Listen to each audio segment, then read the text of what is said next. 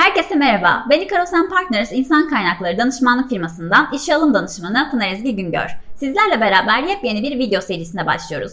Ikaros Sözlük adı verdiğimiz bu seride her hafta insan kaynaklarına ait bir terimi sizlerle paylaşacağım. Bu haftanın konusu insan kaynakları yönetimi. Organizasyon amaçlarına ulaşırken çalışanların bireysel katkılarını en iyi şekilde destekleyecek planların oluşturulmasıyla ilgilenir. Kavramsal olarak içinde insan barındıran bu fonksiyon organizasyonda insanla ilgili tüm süreçleri yönetir geliştirilebilir ve kapasitesi arttırılabilir olmasıyla diğer fonksiyonlardan ayrılır. Bu noktada insan kaynakları yönetimi insanı yatırım unsuru olarak görmektedir. Tarihsel gelişime bakacak olursak, insan ve yönetim ilişkisi bakımından ele alındığında insan kaynakları yönetiminin ilk çağlardan beri var olduğu söylenebilir. Modern anlamda insan kaynakları yönetimi, sanayi devrimi sonrası yaşanan fabrikalaşma ve büyük ölçekli birimlerde çok sayıda insanın istihdam edilmesiyle hız kazanmıştır. Bugünkü anlamda ilk personel yönetimi uygulamaları 19. yüzyıl sonu ve 20. yüzyıl başında yaşanan işçi hareketleri ve sendikalaşma faaliyetleriyle karşımıza çıkmaktadır.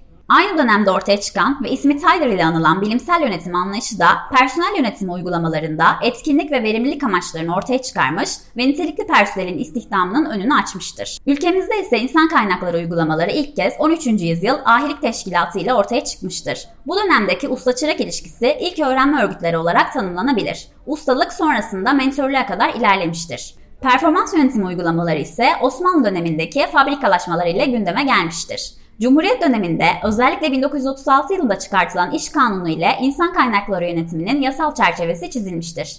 2000'li yıllara geldiğimizde ise insan kaynakları artık eğitimi de verilen bir disiplin haline dönüşmüş ve organizasyonlar için vazgeçilmez bir alan haline gelmiştir.